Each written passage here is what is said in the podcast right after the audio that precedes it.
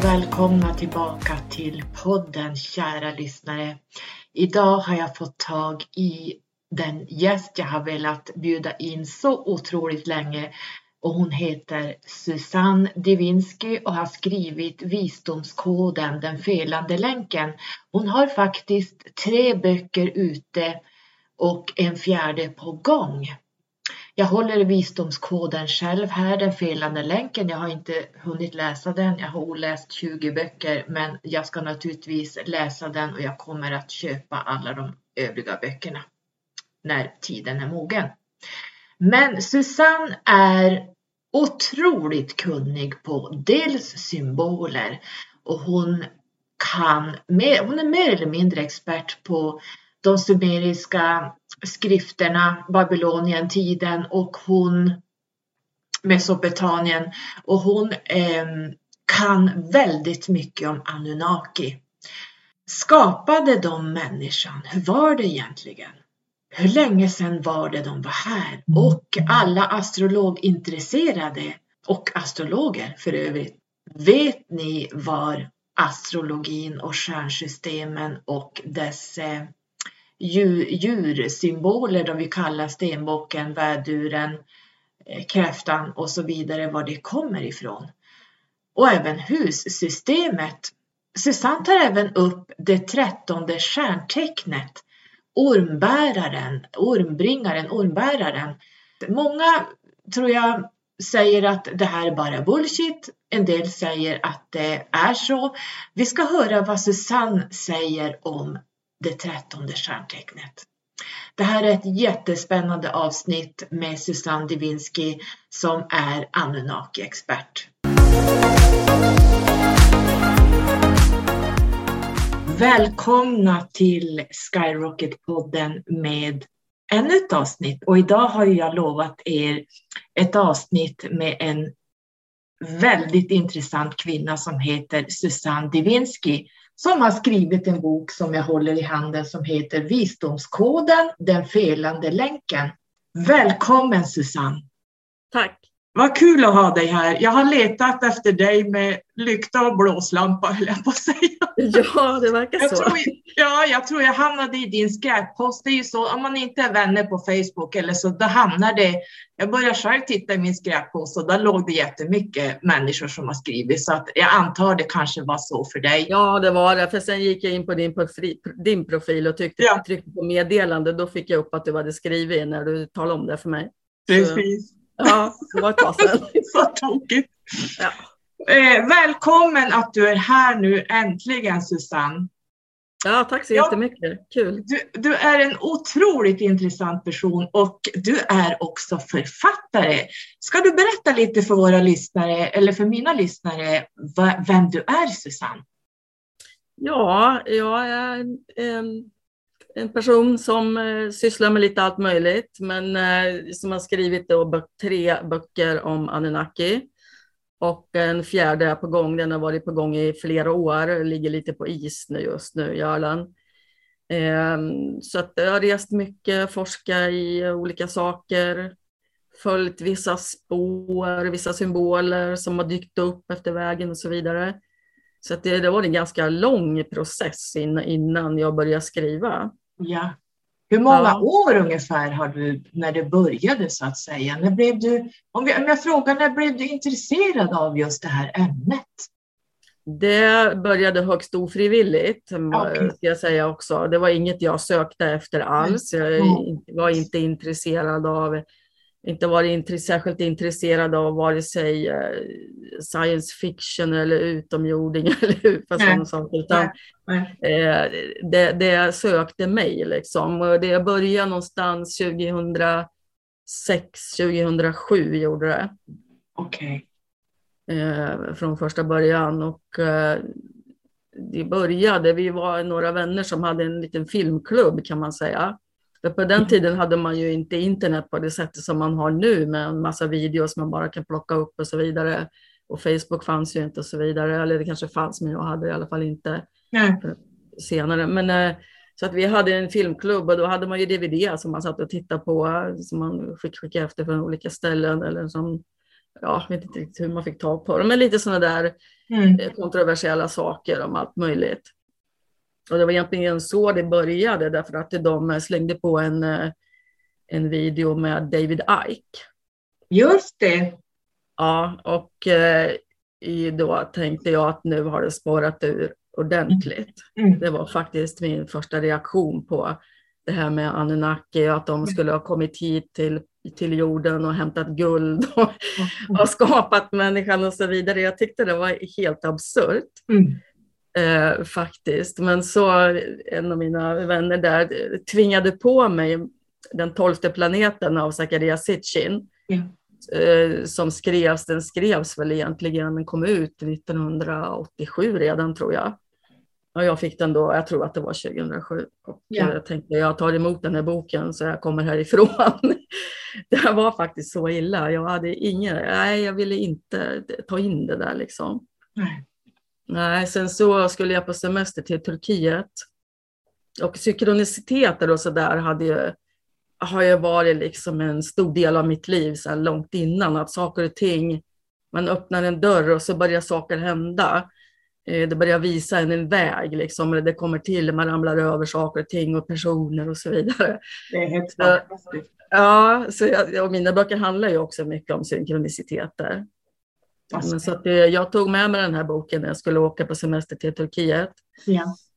Och så började jag läsa den och de första 150 sidorna är ganska så tråkiga och väldigt eh, ja, sådär skol, skolad Mm, mm, skri, skrivet, skrivet och så. Men jag plöjde mig igenom lite grann och i där så beskrev då Sitchin att de hade hittat 12 lertavlor från, från sumerisk tid just på det stället i Turkiet där jag befann mig.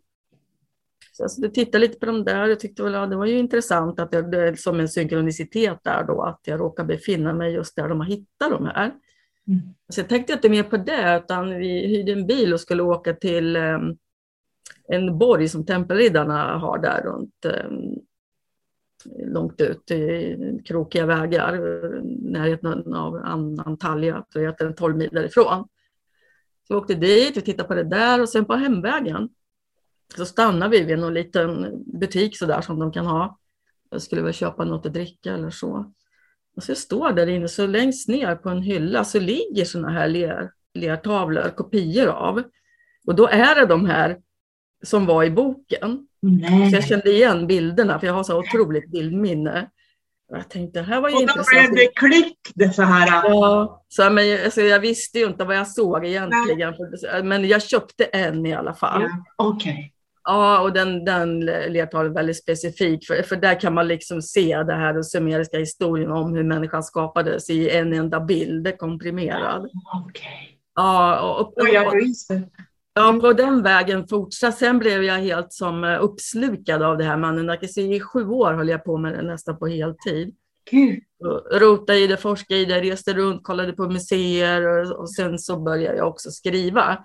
Ja. Och jag hade länge vetat att jag skulle skriva, men jag visste inte vad, så jag började på en hel radda böcker. Jag trodde det skulle bli en faktabok. Mm. Eh, och även den här boken som du höll i handen den första boken, Mm. Den felande länken, den skrev jag om från grunden åtta gånger innan det blev där jag är idag. Så att, eh, ja, det var en ganska lång, lite brokig resa så, men eh, Det är inte bara att skriva en bok kan man säga. Och speciellt när det är sådana här faktabaserade. Nu skriver du ju lite grann vad jag har läst på baksidan. Du skriver en lite, man får följa med Sharon på en resa. ja? Mm. Så den här genren har man ju börjat kalla för fakta fiction och det börjar Just väl det. kanske lite grann Mm. med Da Vinci-koden och Dan Brown Mm. där, att man Just väver in Mm. fakta i fiction eh, Ja. utan att försöka göra det för... Mm. Då är man ju lite friare så att säga. Man, också det, Det- blir... Ja, en del tycker det är bättre, en del tycker det är sämre. Så att, eh, Ja, men då tror jag att då, då får man se, för att bara sitta och läsa fakta, det är ju inte roligt. Alltså en bok bara, bla bla bla, du vet så faktaböcker. Men har man en person som går in i den här faktan, då blir det ju väldigt spännande. Ja, och det var så det, det, det, det började. Helt plötsligt kom, den, kom Sharon, hon bara uppstod där Ja. eh, som en karaktär och då ble, blev det ju baserat i, i USA då hon bor ju där fast hon är, Mm. hon är svensk ättling och har lite, även lite andra Mm. Connection bakåt så jag att jag kunde väva in en massa saker där. Mm. Och sen så träffar ju hon en man då som är väldigt mystisk under mystiska omständigheter som sen visar sig vara en, eh, en så kallad gud från Anno Dasomal, alltså en Anunnaki som har levt kvar på jorden och så. så Mm. En historia runt det så, så att man kunde väva in olika saker. Liksom. Just det. Och det hade jag inte väntat mig. Jag hade Nej. inte en aning om att det skulle komma ut på det sättet. Nej. Nej. Otroligt. Jag, jag längtar att när jag får börja ha tid att läsa den här boken. Jag kommer säkert köpa alla. Är det tre? Det blir fy- fyra nu snart. Ja, och, och det från början så var bok ett och bok två. Eh, bok två heter Vår dolda historia och den är, kan man säga, den, den är skriven, där har jag inte hittat på själv, utan där har jag tagit då sumeriska texter som jag har Mm. översatt och översatt och, och, och vänt och vridit på, så den är också ganska eh, omskriven. Men eh, det, Mm. det är liksom mer direkt sumeriska texter Mm. som jag har Spännande. också gjort fiction på kan man säga, Ja, men på ett annat ja, sätt. Så att ja. eh, bok tre, Mm. den är direkt fortsättning på ettan. Just Därför att ettan och tvåan var en och samma bok från början. Så det gick Okej. vartannat kapitel nutid och vartannat kapitel det här historiska. Eh, Men det blev så, alltså det hade ju blivit en tegelsten utan dess like och jag har ju gett ut på eget förlag. Just det. Du har Ja, eget förlag alltså? Ja, jag valde att göra det. Och det. till slut så var det som att det var, jag vaknade mitt i natten av nästan som att en bomb slog ner i rummet. För då var boken på väg till tryck. Stopp och belägg liksom. Nej. Ja, och, och då... Jag menar, jag kunde ju inte skriva när jag började. Jag visste inte alls hur man gjorde eller någonting. Så det har varit en lång skrivarkurs i bok ett också. Mm. Mm. Det var då bestämde jag mig för att jag skulle slå isär böckerna och göra två böcker av det. Och, det- och det tror jag var ett bra beslut. Det var nog väldigt klokt. Men då kan det bli lite konstigt att det är bok ett och sen kommer bok två som egentligen inte är en fortsättning på ettan. Utan Mm. den bok två kan man läsa först om man vill. Okej, Ja. det var ju bra veta. För, Ja. för de som lyssnar här nu som kommer att köpa dina böcker. Vi kanske ska ta det innan vi går vidare i nästa. Var kan man hitta de här böckerna? Jag tror jag beställde den någonstans på typ Adlibris, I don't know. Ja, jag de, tror jag de, beställde den från någon vanlig bokhandel. ja, precis. De finns på Bokus och Adlibris. Just det. Och CDON och lite olika Ja. sajter. Sen kan man också, om man vill ha den signerad, kan man beställa den direkt från min hemsida. Just det. Ja. Kanske jag ska göra det med bok två och tre och fyra. Ja. Hörde du, det vi känner till om Anunnaki, jag säger Anunnaki för jag är norrländska. ja, det låter du. bra. Ja, Lite engelskt. ja. Ja. Eh, när var de här? Hur länge sedan är det de var här?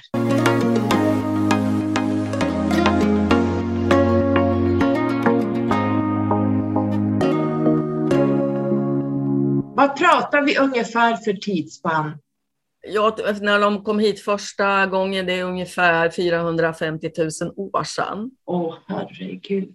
Ja, och det här med tidsperspektivet i början när jag höll på med det här så var ju det, eh, alltså jag menar vi människor vi lever, om vi drar till med 100 år, Mm, medan eh, Anunnaki lever mycket, mycket, mycket längre. ja, Och, och det är det här, nu har jag blivit så van att tänka i de banorna, alltså för, för mig kommer det helt naturligt, men, men det, det kan vara svårt i början, ta till sig att, ja men hur ska man tänka då? De lever väldigt länge liksom, att eh, Mm. det, det är ett helt annat perspektiv som pe- personer har ett långt livsspann eller har så jättekort som egentligen vi har jämfört med det dem. blir ju jättekort liv egentligen. Det Egentligen ser så man ju har- nu när man börjar bli mm, plus 50. Ja, eller hur? Då får man lite så här, oj vad fort det går. Holy shit, jag har inte hunnit, jag har slarvat bort hela livet på en massa skit. Men det är nu Ja. man börjar leva i nuet när man blir äldre och mognare. Ja, Man tar vara så. på sin tid lite bättre. Ja. Så 450 000 år sedan, har de varit här efter det någon gång? Eller hur, egentligen, hur länge, vet du hur länge de stannade här första gången? Vilket... Ja, alltså första gången, det, det kom ju först kom det ju en Anunnaki hit och sen kom det ju fler och fler och fler. Till slut ja. var de kanske ja, 3, 4, 5, 600 individer. Ja. Mm. Eh, och, och, så vidare. Men eh, det som finns beskrivet i sumerisk text, det, det, är ju när de flesta av dem lämnade och det var 1961 före Kristus. Oj. Men då vet man inte om alla lämnade helt och hållet heller. Nej. Några blev kvar. Mm. Såg de mm. ut som människor eller såg de ut som de här eh, babyloniska Mesopotamien statyerna med skägget och hur, hur såg och de verkar ut? ju vara väldigt noga med sitt skägg och det skulle ja. pyntas upp på vissa sätt, speciellt de kungliga Anunnaki då. Mm. Eh, de, de skiljer ju väldigt själva på dem, vilka som är kungliga och vilka som är arbetarfolk. Okay. Eh, och de kungliga Anunnaki var ju väldigt eh, pyntiga med sitt skägg och, och långt hår och så vidare. Mm. Mm. Det ser man ju nästan på, på de här statyinskriptionerna eller det man nu ser bilder på det är ju att deras skägg är ju som gjort som några krullar så här. Ja, som små, små knutar. På den. Ja, alltså det, precis. Ja, det finns beskrivet att de knyter upp det på kungligt vis. Liksom. Okay, okay. Ja, så, så det där med skägg och hår, det var viktigt. Det var viktigt. Okay. Ja, det var det. Mm. Så att de såg väl ut, jag kan tänka mig att de såg ut, de var ju långa, kanske 2,40, de som var födda på planeten Nibiru då.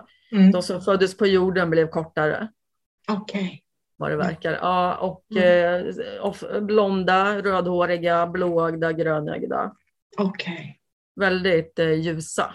Mm. Och det är de ju också beskrivna hos alla ursprungsbefolkningar, att, de, att det kom långa blonda individer från stjärnorna. Just det. Det finns i, i, The shining ones. Ja, exakt. Mm. Eh, de kommer, för lyssnarna som inte, jag vet inte om jag avbröt dig att de, hör, att de hörde, de, Anunnakis eller Anunnaki kommer från en planet som heter Niburu. Visst är det så? Ja, den kan ha lite olika namn, men Nibiru är det namnet som jag har använt. Eh, Just det. Mm. Ja, som är mm. mest känt. Så, mm. mm. Kommer de tillbaka? Det pratas ju mycket att de, deras om man säger omloppsbana, nu vet inte ja. jag om det här stämmer, att den tar 3000 år innan den går in i våra solsystem igen och att de då kommer att kliva av och gå in här igen. Men jag vet inte om det är en skröna. Ja, vart 3600 år. Ja, okej. Okay. Mm. Finns beskrivet. Sen skulle den banan tydligen ha förkortats efter någon eh, förändring i solsystemet. Jag kommer inte mm. ihåg, för kanske var, mm. nej, jag tror det var vid syndafloden. Ja. Så att det, och det vet man ju inte, det finns ju ingen som vet exakt, utan det, är, det är mer eller mindre avancerade spekulationer runt de här mm. sakerna. Mm. Men just det där att den kommer vart 3600 år ungefär, mm. Eh, det, det, finns ju lite dokumenterat då. då. Så att, eh, och när den väl kommer in och blir synlig, i, i, från jorden, ja. Mm. då är det 40 dygn som den går ganska väldigt snabbt in och ut igen. Ja. Eh, är det. Och eh, det också som finns beskrivet är att eh, om Anunnaki ska ta sig hit med sina farkoster så behöver de göra det, inte när den är för nära, utan när den kanske är runt 200 år bort. Okej. Okay. För dem är ingenting. Nej, nej, men det är ju så. Det här med tiden existerar ja. ju inte utanför vårt solsystem och allt det här. Eller, nej, och det finns ju andra spekulationer om att Nibiru går i den fjärde dimensionen där mm. tiden och allting är, är annorlunda. Mm, ja. Precis. Eh, vad var det jag tänkte på? Vad har de för farkoster? Finns det några inskriptioner på det? Alltså det, det som finns är att de, att de hade himmelsvagnar, de hade alltså stora himmelsvagnar, de största farkosterna då. Sen hade de ju mindre som himmelskärror som de mm. kallade. Sen mm. hade de raketer och de hade flygplan. Mm. Och eventuellt hade de också någon slags som man kan sätta på kroppen om det var på fötterna eller någonstans så att man kunde flyga mm. lite smidigt som vi kanske också snart kommer att få, du vet, när mm. man åker omkring att de kommer kunna, man kommer kunna flyga på dem. Den, mm. den tiden tror jag inte är långt borta. Så, så sådana grejer hade de ju säkert för kortare transporter. Men om Men jag raket, raketer finns ju avbildade. Att de Ja. hade. Det har jag Mm. också sett. Men du, den här bilden som du har på bok nummer ett, Visdomskoden, den felade länken, där har du ju den här typiska bilden när, de Mm. har, när det går ut två vingar och så är det som en fågelstjärt under och så är det två stödjur ser det ut som. Ja, Är det, är, vad är det för, för någonting? den, den är ju väldigt vanligt avbildad. Just den där är ju mer från den assyriska kulturen. Ja, man säger den som är äldre tillbaka, som är på min bok två, där, där har du ett rött kors i mitten av vingarna. just det. Den har Ja, jag också och- sett. Ja. Ja, och Mm. det- det finns ju olika spekulationer beroende på vad man tittar på. Men om man ska titta allra längst tillbaka så står ju där för The Planet of the Crossing, ja, Nibiru. The Planet of the Crossing. Nu känner jag igen för det där har jag antingen läst eller sett. Yes, det stämmer. Mm. Ja. Och sen har ju den blivit andras eh, symboler och så vidare och så vidare. Men det är väldigt få som tittar ända längst tillbaks i den sumeriska kulturen. Eh, Då missar man väldigt mycket Mm. Av Och så hur, kan hur det bli lite tillägg kanske med, med, med tiden att man lägger till sånt som man trodde som kanske Ja. inte var från början. Ja, precis. Mm. Ja, så är det. Så har det blivit med många symboler. Mm. Mm. Och jag har skrivit upp här om de såg ut som statyerna som vi har sett och det gjorde de alltså enligt då den tidigaste eh, läran eller Ja, det tror jag. Det gjorde de. Mm. Mm. Sen är det inte Ja. färg på de här längre. All färg Nej. har ju gått bort på allting Ja. så att man Mm. inte kan, kan se. Mm. Mm. Det som det finns färg kvar på är det egyptiska, men där har de ju aldrig sina ansikten framme. Nej, just det. Utan där har de djurmasker. Ja. Eh, deras skägg som nu var så himla viktigt, kan det ha förknippats med uppmålningen i kristendomens Gud på molnet? För att jag tillhör ju de som ser Bibeln som en metafor för någonting annat. Mm. Eh, och jag tänker mig, den här guden målar man ofta upp med mycket skägg. Mm. Kan man tänka sig att det kan vara Anunnaki? Absolut. Jag tänker att eh, de första Anunnaki som kom till jorden, Mm. det var kungliga Anunnaki. De var prinsar. Ja, Och eh, kungen på Nibiru, han hette Anu. just det. Ja, och kung Anu var ju väldigt högt aktad. Han hade alltid, eh, vad ska man säga, besluts... Det var han, de måste rådfråga honom om allting eh, så. Så, så att jag kan se det ofta som att det, det är kung Anu då som är guden i himlen som fortfarande Mm. är kvar på Mm. Nibiru. Absolut. Jag tror jag skriver om det där. L, E-L. Om man tänker Ja. att L, eh, alla änglar som vi har i kristendomen, Mikael, Rafael, Ja, Haniel, vad, allt vad de nu heter. Alla änglar slutar på EL. Har du tänkt på det? ja. Vad, vad står det för? Och det står, står ju för herre. Ja. Alltså, Mm. Ordet Gud i sumerisk text det betyder oxe, så här stark som en Mm. oxe egentligen Mm. från början. Inom numerologin så är det så också, eller inom kabbal, kabbalan som jag håller på med mycket, då är det ju the ox, oxhead. Ja, just det. Mm. Ja, precis. Så, så att för, för, som det är beskrivet alltså, i sumerisk text, då, allting jag pratar om när det Anunnaki, det kommer från sumerisk text. Om jag spekulerar själv, då brukar jag säga det. Ja, ja, precis. Ja, man, Eh. man får spekulera och man får Ja, det får man. fakta. För vi, vad, vad ska vi göra? Vi måste gå efter någonting. Ja, men precis. Men Ja. i alla fall så, så är det beskrivet då att, att eh, när Anunnaki pratade om gudar, Ja, pratade de om himmelsgudar, så deras gudar och gudinnor, det var planeterna. just det. Ja, Kan Så vi ha var- astrologin därifrån? ja, Och alla Det- de här eh, Afrodite och Herkules och allt vad de heter på olika. Nu finns det olika eh, mytologier egyptiska, grekiska, you name it. Eh, Ja. Men det, kan det komma från den här tiden? Ja absolut. Jag skriver om det i min bok två, när eh, Enki och hans son Marduk, de tillbringade ett helt år på månen. Mm. Och eftersom det var lite mer atmos atmosfärsfritt där, så där mm. satt de och gjorde upp de astrologiska husen och hela det där. Det finns ingående beskrivet. Otroligt! Jag hoppas ja. några av mina astrologer, eh, astrologintresserade hör det här. Det här ja. är ju, det visste inte jag, det har jag missat. Ja, det, det, ja. Det, den delen av historien är jätteintressant. Hur de upptäckte det här och hur de delade in det i olika stjärnbilder och hur, hur liksom husen, de astrologiska husen kom till. Ja. Och, och från början så var ju också Nibiru med i det systemet. Mm. Och det trettonde stjärntecknet, ormbäraren. Och så ja. man, det är mycket man har tagit bort.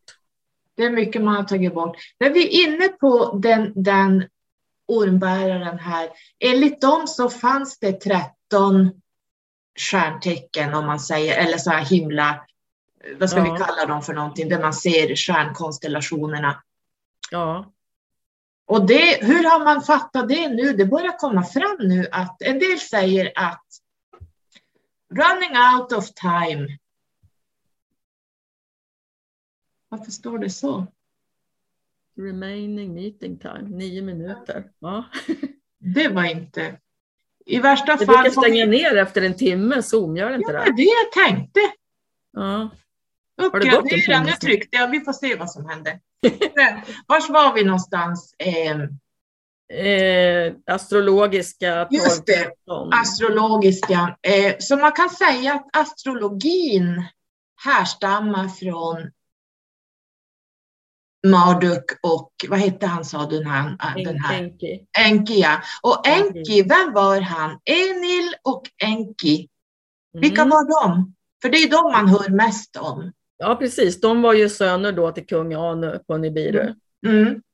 Och eh, det, det, är egentligen här från början som alla bråk har startat liksom, och som fortfarande håller på, mm. eh, på, på, jorden. Men eh, det var ju alltid så att den, den son som var, som, alltså, som var son till en halvsyster till kungen, ja.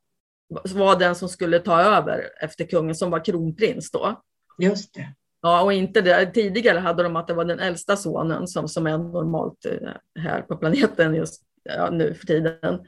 Men eh, på Nibiru var det viktigt att det var en halvsyster till kungen som var mamma till den som skulle bli kung. Ja. Och eh, Enki var ju äldst medan Enlil var son till en halvsyster.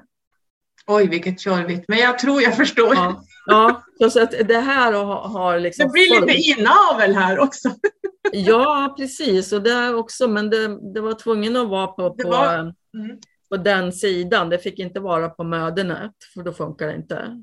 Och det ser man ju lite grann i våra kungliga blodslinjer att man håller sig, om man tittar långt, långt tillbaka så var det ju att många hade ju barn med sina kusiner och gifte sig och kanske ännu närmare. För att ja, det här med halvsyster, det fanns ju i egyptisk tid, det fanns på Jesus tid också. Ja, precis. Så det har hållit på ganska länge. Ja. Mm, mm, precis. Skapade de människan?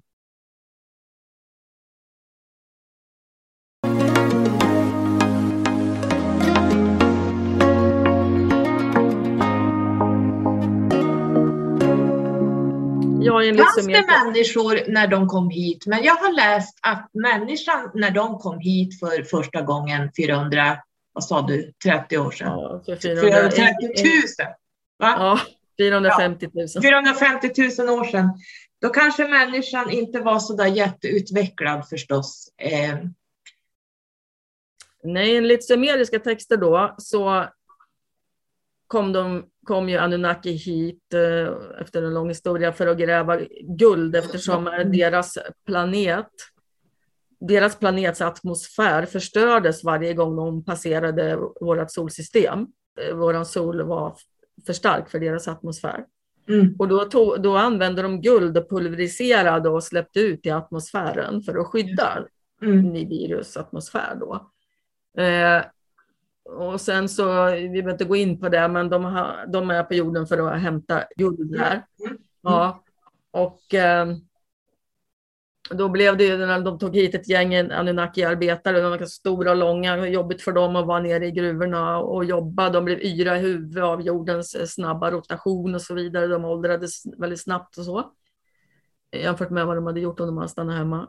Mm. Så att det, då var det Enki som kom på det där att eh, han, han hade ju sitt säte i Sydafrika. Och eh, hade väl eh, sett eh, primater, apor, förmodligen schimpanser. Mm. Så kom han väl på den här idén att man skulle kunna prova att blanda eh, sina gener då med den här apan, primaten. Mm. Mm. Och då började de göra massa olika experiment som pågick. Det finns väldigt tydligt beskrivet i Sumer hur de gjorde sju olika eh, serier av experiment innan mm. det blev mm. eh, en eh, tillräckligt bra arbetare då. Mm. Som skulle jobba för deras skull. Mm. Ja. Men till slut så, så lyckades de. Ja. ja. Så det är alltså sant då att de skapade människan så att människan, eh, nu kan man ju vinkla till det här. Många tycker ju att Anunnaki är elaka, medan när du beskriver det så var det, det var ju våra skapare egentligen. Ja, och Enlil och Enki var inte överens om det som allting annat, för att eh, Enlil tyckte att man skulle använda robotar, man skulle inte leka Gud och hålla på och skapa massa saker. Eller de sa inte Gud, de sa den store skaparen. Det var mm. deras namn på mm. den högre intelligensen så att säga. Så, så jag tyckte inte om det, men Enki tyckte väl att det där var intressant och, och fortsatte med de experimenten. Och sen till slut så blev det så att kung Ane godkände det hela. Wow. Ja. Då stämmer det här alltså finns änglar? Eller är änglarna the shining ones som beskrivs i Bibeln?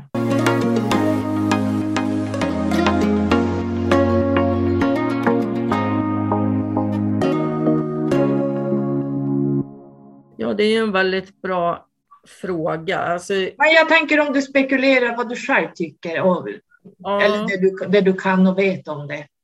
Jag tror att man kan se det där på, från två olika håll. Dels att det finns andeväsen mm. som vi kallar för änglar. Mm. Men också att det är beskrivet, om man jämför Bibeln med sumeriska texter och så vidare, så en ängel, ängel betyder sändebud. Mm.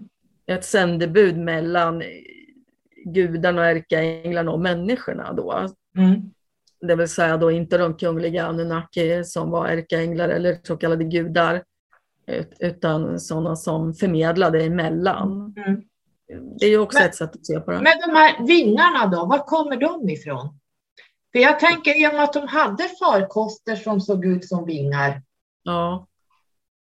Ja, precis. Eller att de, ja, exakt. Så det kan ju också vara det att det symboliserar att de kunde flyga. Mm. För att änglar i vingar och så rent i konsten, det kom ju ganska så in, i modern konst så att säga. Mm, mm. Man ser det som modernt när det är på 1600-talet, mm, det tycker jag är modern tid när man har studerat på det här sättet. Jag tycker det är väldigt nytt. Men eh, ja, så att visst. Eh, och det finns ju beskrivningar i Bibeln om att det kommer ner änglar, men som man nästan kan förstå är en helikopter om man tänker sig vad de beskriver. Mm. Ezekiels bok till exempel, så kan man ju mm. tänka sig att det där är en helikopter faktiskt. Mm. Precis. Men han tyckte att det var en ängel med, med monster och grejer. Ja, precis. Ja, mm. Så det är väldigt intressant om man lä läser Melis text och sen läser Bibeln, eller tvärtom. Mm. Gamla testamentet då. Mm. Gamla testamentet beskriver ju mer renodlat tycker jag. Nya testamentet är inte lika, nu är inte jag någon bibelexpert, men eh, Gamla testamentet visade ju den här guden Jave. Mm. Han var ju lite blodtörstig. Eh, och han i, i mi, mina läror så är Jave är Saturnus. Ja. Och det är den stora svarta kuben man ser i de här arabiska, de har ju en stor svart kub i mitten. Ja. Så, vad heter det där stället? Jag glömmer alltid bort vad det heter. Eh, Kaba i Mecka. I Mecka, ja. Precis. Ja. Så den här kuben, svarta kuben, är egentligen en symbol för Saturnus. Ja. Mm. Så det, det, är lite spännande. Det, man, det, det är mycket att ta in. Ja, det finns ju väldigt mycket. Det är ju så brett ämne. Man kan ju, det är som när man skriver de här böckerna, man försaka smala ner det. Det är jättesvårt. Ja. Mm, jag förstår det. Man, man vill spreta iväg åt alla håll. Det finns mm. så mycket intressant mm. att rota i. Alltså det är så spännande som man skulle kunna, ja, det här är helt otroligt. Eh, när vi ändå, ändå är inne på det här skriftrullarna som man hittade sen efter Bibeln var skriven, det, den kallas ju för The Book of Enoch. Ja. Och det här var ju som jag förstår det texter som inte fick komma med i Bibeln och här beskrivs ju Anunnaki. Ja, det gör de ju faktiskt och det är många texter som inte har fått komma med i ja. Bibeln och säkert många som är brända som vi aldrig får se mm. eller som mm. mm. är i källaren i Vatikanen och så vidare som de har mm. lagt beslag på. Mm. Eh, och det är just det där med Enok är väldigt intressant för att han finns ju väldigt tydligt beskriven i sumerisk text. Han var ju då Noa, Noas eh, farfars far, mm. enligt Bibeln, eller Anak då. Mm. Och egentligen det fanns två Enok, Anak, en i, i Sydamerika som var son till Kain. Och så. Då försvann Zoom-mötet. Allt stängdes ner här. Jag vet inte varför, men vi har startat upp det och vi tror att vi var på The Book of Enoch. Så fortsätt ungefär där vi var, Susanne, ska vi se. ja, precis. Jag vet inte, jag kommer inte ihåg exakt var vi slutade, men eh, eh, man tittar på Enoks bok då, så är ju den Enok om det är han, vilket det förmodligen är, väldigt tydligt beskriven i sumeriska texter där han hette Enkime. Och eh, han var en av Enkis favoritmänniskor. Så Enki me blev upplärd i, i, väldigt mycket av de här eh, så kallade eh, heliga visdomarna. Han blev upplärd i astrologi, astronomi, eh, matematik. Han var tydligen väldigt eh, utvecklad så. Mm. Så att han fick vara med väldigt mycket. Han fick eh, följa med Marduk både till månen och till Mars.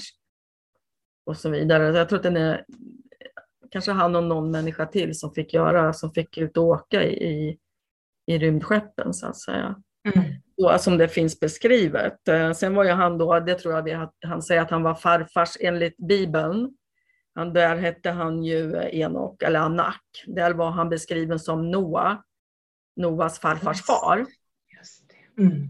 Vilket då, som enligt sumerisk text, så var Enki direkt far till Noa. Ja. Därför att han smög sig in till Noas mamma Batanash när hennes man var borta och så blev han far till Noa. Och det är beskrivet hur eh, blåögd och blond, hans hår var vitt som ull och så vidare, Precis. han sken. Ja. Ja. ja, så att då den som var då trodde han var far till ehm, eh, Lomak eller Lemek i Bibeln. Han blev ju misstänksam och frågar sin fru, eh, är det här verkligen min son? Eller har någon av änglarna varit här när jag var borta? frågar han. Mm. Mm. Och då säger hon att nej, det var ingen av änglarna, för att, och då ljuger hon egentligen inte, för det var någon av gudarna så att säga. Det var någon av de högre. Eh, men hon vet ju att det är ja, som det är. Liksom. Mm. Så att, eh, ja. När Filims som beskrivs i Bibeln, jättarna. Ja, precis, eh, Nefilim. Ja. Eh, de, de, finns ju också i, i sumerisk text då, så fanns det, det här är ju en lång historia, men, men Anunnaki hade en bas på Mars, på mm. planeten Mars. Mm. Var de skeppade guldet från jorden till Mars och därifrån skickade de det till Nibiru större farkoster. Så från mm. jorden till Mars använde de raketer. Mm. Och där jobbade ungefär 300, de, de kallar dem för Igigi. Just det, de arbetarfolket. Och, mm. Eh, de var ganska missnöjda med att vara på den där planeten, den, den torkar ur mer och mer och så vidare, så att de ville ju egentligen komma till jorden. Mm. Eh, vilket de gjorde till slut. När Marduk gifte sig med en människa, han gifte sig med Enoks dotter, ja. Sarpanit. Eh, eller Enkeme som han heter i sumerisk text då.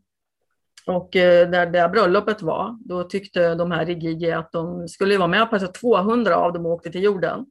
Mm. Och de ville ju också ha lite kvinnligt sällskap och så vidare. Så de tog sig människofruar helt enkelt. Mm. Och i Bibeln står det att de tog sig människodöttrar. Mm. Och deras barn sen, Gigis barn med människodöttrar kallades Nefilim. Det betyder raketbyggarnas barn, för Gigi byggde även raketer. Mm. Så står det i semerisk text, men i Bibeln så översätter de väl Nefilim med, liksom med jättar eller någonting, så för de var ju större än människor åtminstone. Mm. Så att, eh, Det beskrivs ju att det blev the flooding, alltså den här översvämningen när de här jättarna, eh, Nefilim säger jag, Nefilim, eh, när de vandrade på jorden, att de var fruktansvärda. Stämmer ja, det? Ja, det, det är ju möjligt att de blev, det vet man ju inte. Alltså att, de Ja. var, nej, att de var lite maktgalna överlag, det är väl mycket troligt. Mm. Ja. Har man hittat skelett från de här jättarna? Finns, är, Ja, är man det sant? Man har ju hittat skelett. Det finns ju, dels finns det ju skelett som jag, som jag personligen då tycker är mer trovärdiga. Alltså som om en Anunnaki var 2,40. Eh, Sådana skelett har man ju hittat och sen dolt Mm. På olika platser på jorden. Och man hittar väldigt långa, även munkar från 11, 12, 1300-tal som var bortåt två meter, vilket är Mm. konstigt när man påstod att människor var väldigt korta på medeltiden och så vidare. Mm. Men jag vet på Sicilien eller Sardinien, jag tror det kanske Sardinien, där har man hittat sådana gravar med de som var 2,40 långa. 2,70. 2,40. 2,40 långa. Åh, Ja. Ja. Så finns det ju andra spekulationer om jätte, jätte, jätte skelett som man inte riktigt vet. En del ser lite photoshoppade ut. Jag vet inte riktigt Ja. om jag tror på det där. Eh, Jag vill se det Ja, på, en, på en film. På en riktig film vill jag se det. Då tror Ja. jag på det. Ja, Men, mm, mm. jag har också lite svårt för dem, så jag vet inte. Nej, nej, det är så. Hörru, du, eh, du tror på aliens, alltså? Kallas de här för aliens? Alltså, vad kallas de för människor? Vad ska man gruppera dem som? Ja, det är lite svårt. Jag brukar säga så här, folk från, från en annan planet, folkslag från en annan precis. planet. Mm. Men visst, det det är väl det vi kallar aliens, det är utomjordingar på svenska, Mm. det låter ju Mm. så. För Extra- många ser ju extra- aliens som de grå, the grays, och det är Ja. ju mera, det är ju, det är ju någon form av synte, syntetisk robot som inte är Ja, mä- eller mänsklig i våra ögon. Anunnaki var ju mer mänsklig människor än vad till exempel Grace är. Ja, jag föredrar det engelska ordet extraterrestrials, låter ju Mm. mycket bättre än Ja, det utomjording. Låter som här med spröt. Eller hur? Precis. Jag använde det mycket för, förr i tiden, då sa jag också extraterrestrials, men det var ingen som Ja. fattade vad det betydde. Nej, precis. Ehm, ehm, om man pratar reptiler, vi vet ju, jag har ju pratat mycket om det tidigare, men om vi går in på David Icke, Mm. han pratar ju mycket om eh, både arkons och så pratar han om reptiler. Mm. Ehm, var de här först? För då- Ja, det var ju där, det där som när, när jag hörde den här förelä- eh, föreläsningen av David Icke i början, då pratade ju han om att Anunnaki var reptiler och sådär. Eh, Ja, det känner inte jag. Eller är det så? och- det hade jag ju då, hade en av grejerna som gjorde att jag hade väldigt svårt att ta in det där, för det lät ju väldigt spejsat. Men sen har ju han själv ändrat sig och menar att det är arkonerna som är reptilenergin som kan Mm. eh, ta över människor och sådär. Men jag, så, jag, ja. vad sa du? Ja, det, jag känner också som det du säger, att jag känner inte idag att Anunnaki skulle vara reptiler. Jag får inte ihop. Nej, jag, jag tror inte att det är så. Nej. Jag har inte sett några sådana eh, beskrivningar på något sätt. Däremot var de väldigt shamanistiska. De tyckte om att, att använda djursymboler och även djurmasker senare då i Egypten. För det var ju, tänk dig när man lever så här länge. Mm. Eh, och i och för sig hade de väl inte kamera på den tiden, men eh, jag menar om de kommer tillbaka som de gjorde till Sydamerika till exempel efter några tusen år, det är ju ingen som lever som träffar dem senast. Eller hur? Så ingen kan ju veta vem som är vem. Och det är väl därför som till exempel den som kallar sig Jehova eller Javej, det kunde vara en lil ibland och så kanske Marduk tog sig den titeln för det var ju ändå ingen som visste skillnaden. Eller hur? Så det var ju väldigt lätt att, att lura människor på den tiden och det är det väl idag också. Kanske. Ja, idag, idag hela mänskligheten är ju totallurad som jag ser det. Ja. I det mesta. Ja. Vatikanen har ju väldigt mycket hemliga saker. Mm. Eh, det här, kommer, det här skrev jag ner, jag vet jag skrev ner det här under när du pratade om någonting som nu försvann. Eh, Vatikanen har ju mycket reptil djävulsk-symboler överallt. Ja, de har ju en del sånt. Det är alltså den här or, ormsymbolik. Mycket ormar, och, ja. Mm. Och lite Lucifer-grejer och så vidare i kulvertarna mm. och så vidare. Ja, det finns det ju. Mm. Är det en sekt inom situationstecken? Är kyrkan lite så? Är, är kyrkan lite åt det hållet? Tänker du personligen? Ja, ja jag har skrivit en del om det i böckerna. Som att eh, katolska kyrkan har ju, alltså de har ju lagt beslag på mycket där i Vatikanen. Mm, mm. Genom eh, århundradena och liksom, slaktat folk och mm eh, katarerna bland annat. Mm. Gnostiken, ja, så Mm. som de utrotade i stort sett. Gnostikerna utrotade dem, för de var ju Ja. shamaner och levde med jorden och sådär. Ja, de gjorde ju blodbad på gatorna i Sydfrankrike. Det var ju hundratusentals Mm. som dog. Så, de har ju gjort fruktansvärda saker för att få bort Mm. den Jesus kanske sanna lära och den Mm. sanna grundläran, den visdom som de lärde ut och också eh, kanske Jesus ursprung. Ja, Om vi precis. ser det ur det här perspektivet. Mm. Varför, varför, varför är det så viktigt eh, om man hade barn eller inte och så Mm. vidare. Mm. Varför döljer man det? Och sen när det väl kommer fram så hoppas man att det ska stanna vid att, jo, att han var Gud och då har man inga barn. Men egentligen handlar det om att, man att de inte vill att man ska titta på det egentliga ursprunget. Det kan ju vara en orsak. Mm. Om det ligger utomjordiska faktorer där. Mm. Med inseminering av jungfru Maria och så vidare. Det, det är intressant att spekulera i. Alltså det där, det där har jag suttit och funderat på, ska du veta Susanne.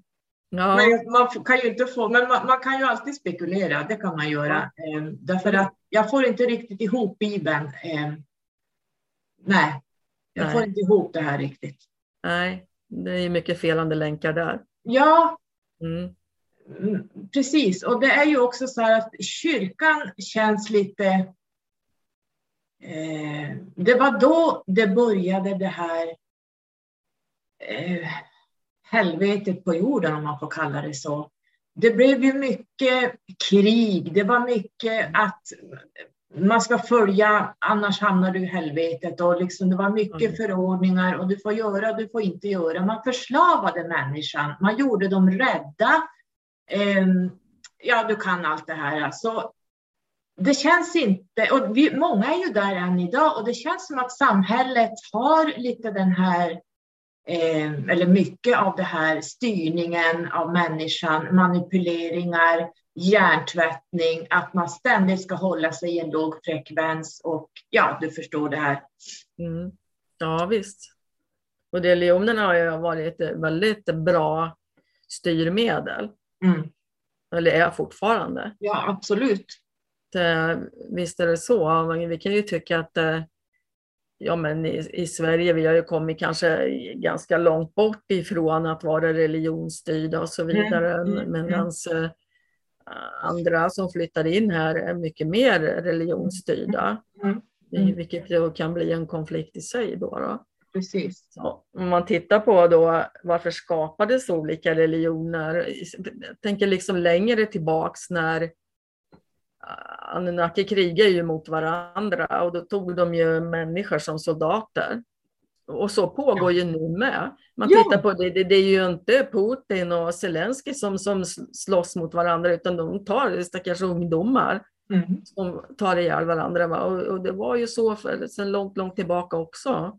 Mm. När de åkte till Sydamerika och lärde upp olika indianstammar då som enligt sumerisk text var Kains avkommor. I, i sju stammar och lärde upp dem i olika stridstekniker och olika sätt och liksom, så att de hade olika typer av arméer ifall de skulle behöva. Mm. Som tränar dem på varandra. Liksom. Just det. Och jag tror att mänskligheten behöver vakna upp till att vara styrda av de här krafterna i krig. Att det, det, det är liksom, den tiden borde vara förbi. Men den är, istället så aktualiseras det mer än någonsin. Den känns arkonisk i min värld.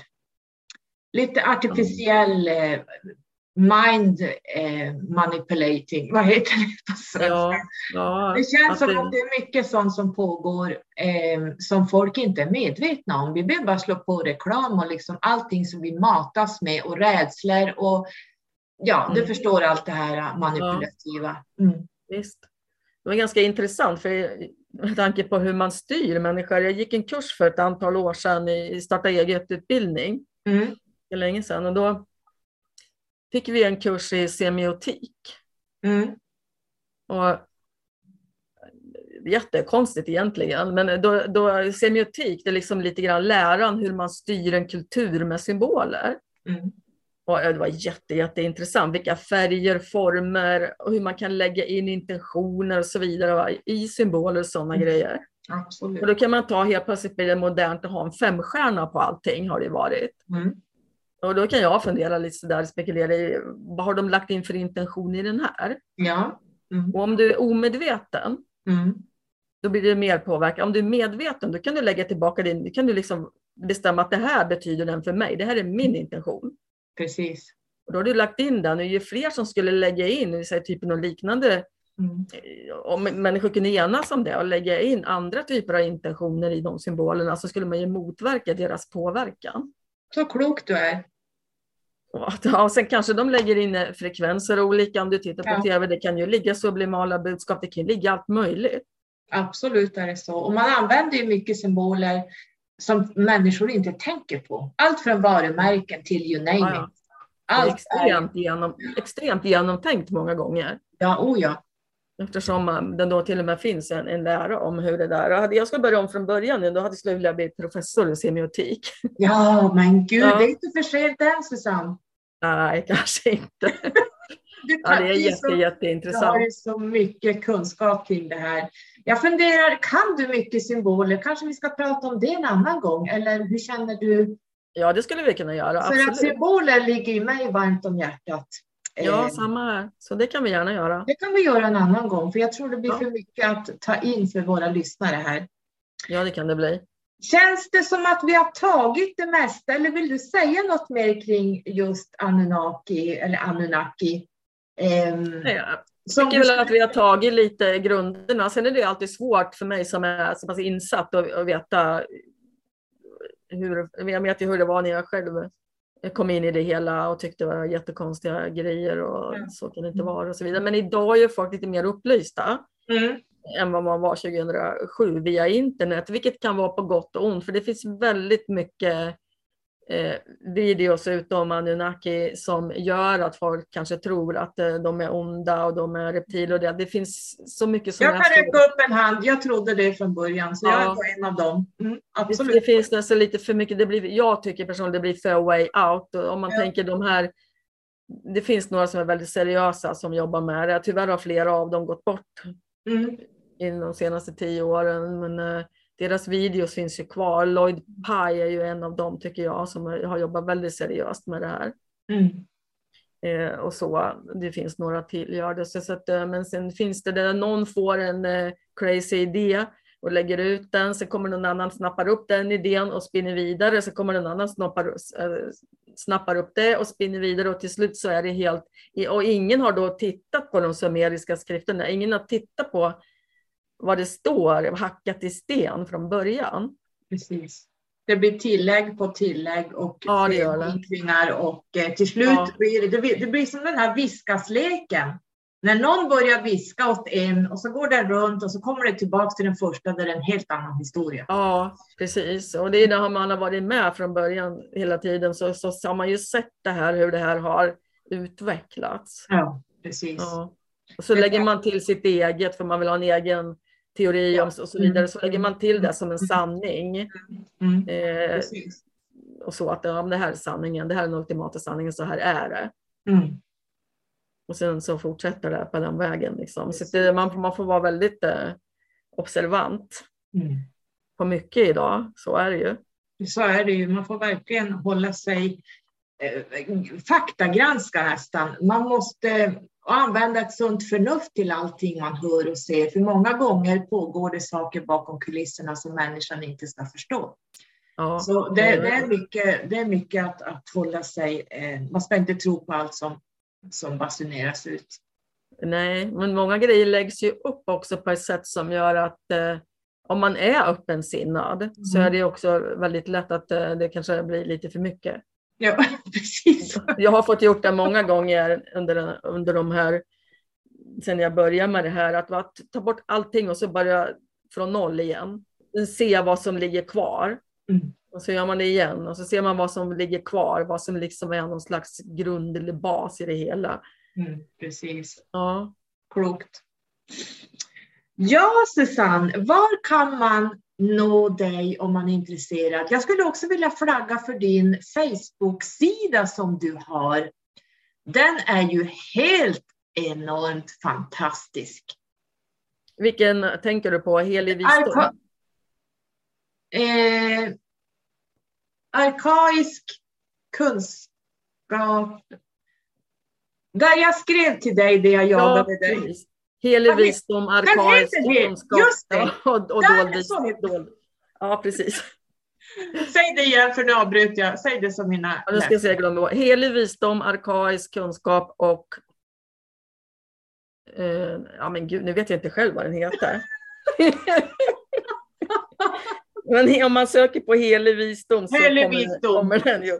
Precis. Helig visdom, arkaisk kunskap och dold historia. Så heter den. Mm. Ja, Den är ju jättebra för alla lyssnare där ute som vill se. Det delas väldigt bra saker i den gruppen just kring.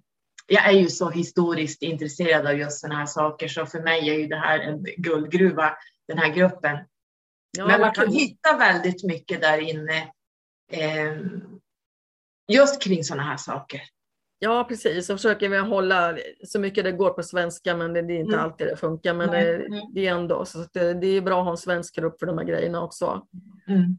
Och så, så att det där dyker det upp i lite grann Maninaki då och då. Mm. Mm. Det är väldigt spännande. Ja. Och sen har du någon hemsida. ja, det har jag. Eh, www.visdomskoden.se. Mm.